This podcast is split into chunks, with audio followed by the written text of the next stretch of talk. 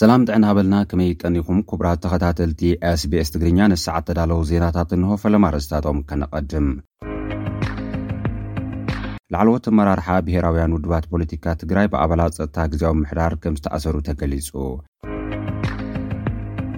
ፕረዚደንት ጌታቸው ረዳ ኣብ እዋናዊ ጉዳያት ተመልኪቱ መግለጺ ሂቡ። ኤርትራ ድሕሪ ስምምዕ ፕሪቶርያ ብወተሃደራታ ተፈጺሙ ዝተባህለ ገበናት ዝምልከት መልሲ ሂባ። ኣብ ኢትዮጵያ 35 ትካላት ሲቪል ማሕበረሰብ ሃገራዊ መድረኽ ክዳሎ ጸዊዐን። መንግስቲ እስራኤል ጃምላዊ ምጥራዝ ኤርትራውያን ንከይትግብር ውድብ ሕቡራት ሃገራት ተማሕጺኑ። መራሕቲ ሃገራት ኣፍሪካ ንለውጢ ነባራ ኣየር ዝውዕል ፋይናንሳዊ ሓገዝ ክተኣታተው ጸዊዖም ዝብሉ ነዚ ሰዓት ተዳለዉ ዜናታት እዮም። ናብ ዝርዝራቶም ክንቅጽል። ላዕለዎት ኣመራርሓ ብሄራውያን ውድባት ፖለቲካ ትግራይ ብኣባላት ፀጥታ ግዝያዊ ምምሕዳር ትግራይ ከም ዝተኣሰሩ ተገሊፁ። ብሄራውያን ውድባት ትግራይ ንሎሚ ሓሙስ ክልተ ጳጉሜን ክልተ ሽሕን ዓሰርተ ሓሙሽተን ዓመተ ምህረት ኣቆፃፅራ ግእዝ ምስ ዘውፀኦ ሰልፊ ኪዳን ንሱር ቦቆስ ለውጢ ዝተብሃለ ተዛሚዱ ኣባላትን ላዕለዎት ኣመራርሓኣንን ከም ዝተኣስርወን ኣፍሊጠን። ሓደ ካብ ኣተሓባበርቲ እቲ ሰልፊ ላዕለዋይ ኣመራርሓ ውድብ ፖለቲካ ባይቶ ንዓባይ ትግራይ ኣይተ ዮሴፍ ብርሀ ብዛዕባ እቲ ዕላማ እቲ ህዝባዊ ሰልፊ ኣመልኪቱ ትማሊ ጋዜጣዊ መግለፂ ንዝህቡ ዝነበሩ ኣቦ ወንበር ሳልሳይ ወያነ ትግራይ ኣይተ ሃያለው ጎደፋይ፣ ኣቦ ወንበር ውድብ ናፅነት ትግራይ ዶክተር ደጀን መዝገበ፣ ላዕለዎት ኣመራርሓ ባይቶን ዓባይ ትግራይ ኣይተ ኪዳነ ኣመነን ኣይተ ክብሮም በርሀን ብሓይልታት ፀጥታ ከም ዝተኣሰሩ ንቢቢሲ ገሊፁ ኣሎ። እንተኾነ ድሕሪ ሰዓታት ከም ዝተፈትሑ እውን መግለፂ እውን ከም ዝሃቡ ተሓቢሩ ኣሎ። ማእሰርቲ ላዕለዎት ኣመራርሓን ኣባላትን እተን ውድባት ፖለቲካ ካብ ሰሉስ ሰላሳ መስከረም ክልተ ሽሕን ዓሰርተ ሓሙሽተን ዓመተ ምህረት ጀሚሩ እዩ ብሰሉስ ኣብ ሰዓታት ቅድሚ ቀትሪ ኣብ ከተማ መቐለ ጎስጓስ የካይዱ ዝነበሩ ሽዱሽተ ኣባላት ሳልሳይ ወያነ ትግራይ፣ ውድብ ናፅነት ትግራይን ባይቶን ዓባይ ትግራይን ከምኡ'ውን ምስኦም ዝነበሩ ዘወርቲ መኪናን ሓገዝቶምን ከም ዝተኣስሩ ተሓቢሩ እዩ።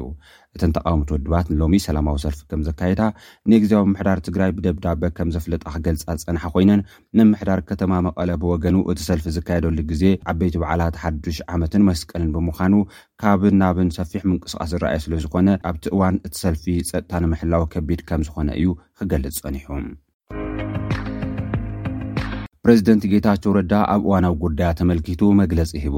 እቲ ፕረዚደንት መሪሕነቱ ድልዱል መሰረት ከይሕዝ ብድሆታት ዝበሎም ነገራት ዘርዚሩ ኣሎ። ኣብ ዝሓለፉ ሓሙሽተ ኣዋርሕ ንህዝብና ዝግበኦ መብርሂ ዘይውሃብና ትግበራ መሰረት ውዕል ፕሪቶርያ ውፅኢታዊ ተግባር ሒዝና ክንመፅእ ብዝብል እዩ ዝበለ ኮይኑ ኣብ ከይዲ ትግበራ ግን ዝተሓላለኸ ምዃኑ ኣመልኪቱ ኣሎ። ብምቕፃል ሕገ መንግስታዊ ግዝኣት ትግራይ ናብ ንቡር ንምምላስ ሓላፍነት መንግስቲ ፌደራል ከምዝኾነ እቲ ከይዲ ንምስላጥ ግን ምስ ኣመራርሓ ኣምሓራ ርክብ ከምዝተጀመረ ብምዝኽኻር፣ ኣብ ምዕራብን ደቡብን ትግራይ ብሓይልታት ኣምሓራ ዝተጣየሸ ምምሕዳር ብፖሊስ ፌደራልን መከላኸሊ ሃገርን ክፈርስ ምስ መንግስቲ ፌደራል ኣብ ምርዳእ ከምዝተበፅሐ ሓቢሩ እዩ።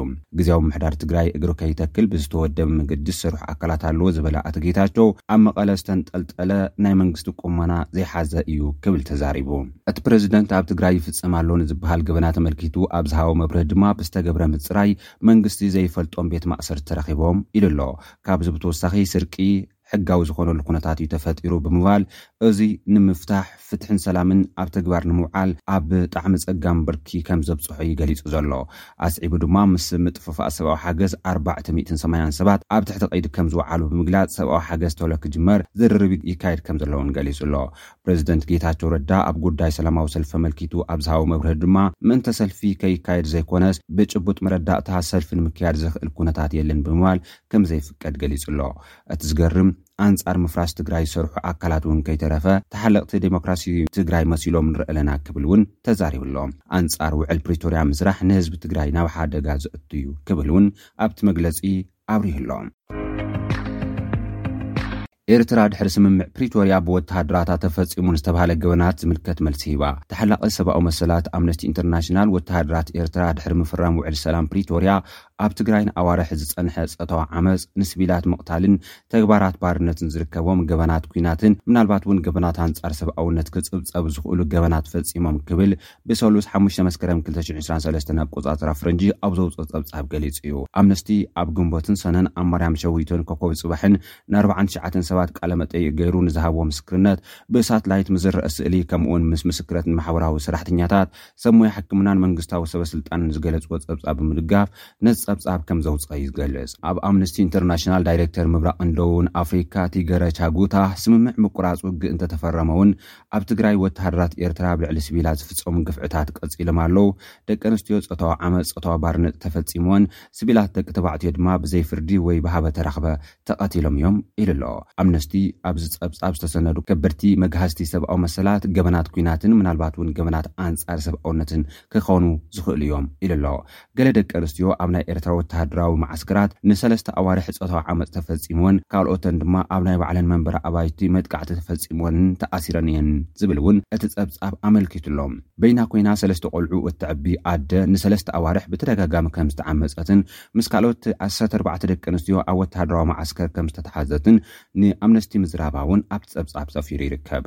ኣምነስቲ መጥቃዕቲ ዝተፈጸሞም መሰኻኽር ዓይኒ ንግዳያት ስድራን ንሰበ ስልጣን ናይ ከባቢ ንዘካየዶ ቃለ መሕትት ብምጥቃስ ካብ ሕዳር ክልተ ሽሕን ዕስራን ክልተን ክሳብ ጥሪ ክልተ ሽሕን ዕስራን ሰለስተን ኣብ ዘሎ እዋን ንሓንቲ ጓል ኣንስተይቲ ሓዊሱ ዕስራን ኣርባዕተን ስቪላት ከም ዝተቐትሉ እውን ሰኒዱ እዩ። መንግስቲ ኤርትራ ግን ኣብቲ ጉዳይ ኣመልኪቱ ብስም ሚሽን ኤርትራ ኣብ ሕቡራት ሃገራት ኣብ ዝሃቦ ምላሽ ክፍተት ኣለዎ ዝበሎ ኣግባብ ኣቀራርባ ሓበሬታ ተሪር ነቐፌታ ኣብ ልዕሊ እቲ ትካል ኣቕሪቡ ኣሎ።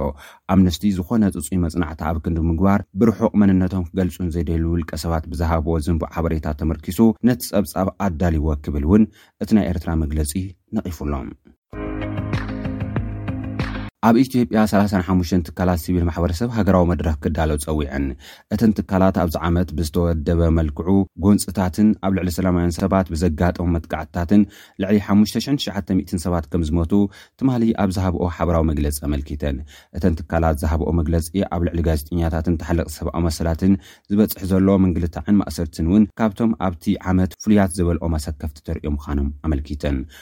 ኣብ ኢትዮጵያ ኣብ ሰላም፣ ዲሞክራስን ሰብኣዊ መሰላትን ዝሰርሓ ሰላሳን ሓሙሽተን ትካላት ሲቪል ማሕበረሰብ ጎንፅታት ናብ ዝቕፅል ዓመት ከይቕፅል ዘሎ ሰክፍተእን ብምግላፅ ካብ ክልላት ክሳብ ጣብያ ዝወርድ ኩሉ ዝሓቁፍ መድረኻት ዘተን ዕርቅን ክዳለዎ ፀዊዐን ኣለዋ። እዚ ስምምዕ ምቁራፅ ተፃብኦታት ፕሪቶሪያ ከም መርኣያ ፅቡቕ ኣብነት ዝጠቐሰ መግለፂ እተን ማሕበራት ብኹላቶም ኣካላት ድሌት እንተህልዩ ተመሳሳሊ ተበግሶ ኣብተን ጎንፂ ዝረኣየለን ዘሎ ክልላት ኦሮሚያ፣ ኣምሓራ፣ ቤንሻንጉል ጉሙዝን ጋምቤላን ክካየድ ድማ ሓቲተን ኣለዋ። መንግስቲ እስራኤል ጅምላዊ ምጥራዝ ኤርትራውያን ንኸይትግብር ውድብ ሕብራት ሃገራት ተማሕጺኑ። እቲ ትካል ኣብ ዝሃቦ መግለጺ ጅምላዊ ጥረዛ ስደተኛታት ንዓለም ለኻዊ ሕጊ ዝጥሕስን ከቢድ ሳዕቤን ዘለዎን እዩ ኢሉ ኣሎ። ማዕከናት ዜና እስራኤል ድማ ኣብቲ ብቀዳም ክልተ መስከረም ክልተ ሽሕ ዕስራን ሰለስተን ኣብ ከተማ ተል ኣቪቭ ኣብ መንጎ ኤርትራውያንን ደገፍቲ ተቓወምትን እቲ ስርዓት ኣብ ዝተኻየደ ናዕቢ ኢድ ኣለዎም ተባሂሎም ዝተጠርጠሩ ሰባት ይእሰሩ ከም ዘለዉ እናጸብጸባ እየን ኣብቲ ሓድሕዳዊ ጎነጽ ኤርትራውያን ኣብ እስራኤል እቲ ሽጉጥ ዝሓዘ ውልቀ ሰብ ተኣሲሩ ከም ዘሎ እውን እቲ ጸብጻብ ኣመልኪቱ'ሎ። ትካል ስደተኛታት ሕቡራት ሃገራት፣ ኣብ እስራኤል ብዝነበረ ግጭት ልዕሊ ክልተ ሚእቲ ሰባት ዝቖሰሉሉ ክስተት እዩ ብምባል ከም ዘሻቐሎ ገሊጹ እዩ። ኣብ ትካል ስደተኛታት ሕቡራት ሃገራት ሓላፊ ዝኾነ ዊልያም ስፕሊንደር ኣብ ዝሃቦ መብርሂ፣ እስራኤል ኣብ ግዝኣታ ንዝነብሩ ኤርትራውያን ጅምላዊ ስጉምቲ ንኸይትወስድ እዩ ኣጠንቂቑ ዘሎ። መግለጺ ውድብ ሕቡራት ሃገራት ዝቃላሕ ዘሎ ቀዳማይ ሚኒስትር እስራኤል ንሓደ ሽሕ ኣብቲ ግጭት ዝተሳተፉ ኤርትራውያን ክንጥርዞም ኢና ድሕሪ ምባሉ እዩ።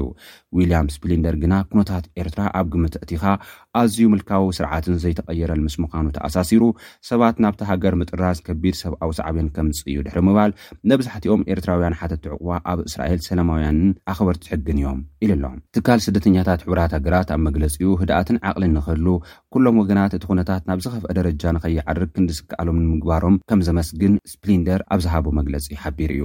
እዚ ናይ ቀዳም ፍጻመ ኣመልኪቱ ብሚኒስትሪ ዜና ኤርትራ ዝወጸ መግለጺ፣ እቲ ፍጻመ ፋይዳ ዘይብሉ ከንቱ ሽርሒ እዩ፣ ከምኡ'ውን ሞሳድ ዝርከቦም ዓበይቲ ትካላት ስለያ ብመኸተ ህዝቢ ኤርትራ ሰንቢዶም ብዕማኾ ሃሱሳት ኣንጻሩ ዝሃንደስዎ እዩ ብምባል ዝርዝራቱ ከስዕብ ምዃኑ ኣመልኪቱ ኣብ ልዕሊ ሰበስልጣን እስራኤል ዘለዎ ተቓውሞ ገሊጹ'ሎ። መራሕቲ ሃገራት ኣፍሪካ ንለውጢ ነበራ ኣየር ዝውዕል ፋይናንሳዊ ሓገዝ ክተኣታቶ ፀዊዖም።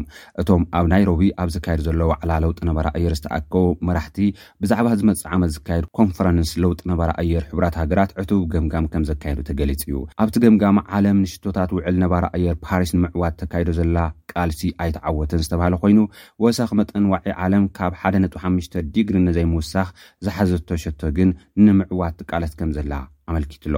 ብዘይካ'ዚ ንዘይፍትሓዊ ዝበልዎ ዓለምለኻዊ ስርዓተ ፋይናንስ ለውጢ ክግበር ጻውዒት ዘቕረብሉ መድረኽ ከም ዝኾነ'ውን ተገሊጹ'ሎ። ኣብቲ ፕረዚደንት ኢሳይያስ ኣፈወርቅን ፕረዚደንት ሳህለወርቅ ዘውዴን ዝተራኸብሉ ኣኸባ፣ ሕብራት ዓረብ ኤምሬትስ ክሳብ ክልተ ሽሕን ዕስራን ሰለስተን ኣብ ኣፍሪካ ን ዓሰርተ ሓሙሽተ ሜጋዋት ዘፈልፍል ጽሩይ ሓይሊ ኤሌክትሪክ ንምርካብ ኣርባዕተ ነጥቢ ሓሙሽተ ቢልዮን ዶላር ንምሕጋዝ መፅብዓ ከምዝኣተወ ዝተገልፀ ኮይኑ፣ ጀርመን ኣርባዕተ ሚእትን ሰማንያን ክልተን ሚልዮን ዶላር ክትሕግዝ እንከላ፣ ኣሜሪካ ድማ ንፃዕርታት ውሕስነት ምግቢ ዝውዕል ሰላሳ ሚልዮን ዶላር ክትሕግዝ መፅብዓ ከምዝኣተዋ ተሰሚዑ ኣሎ።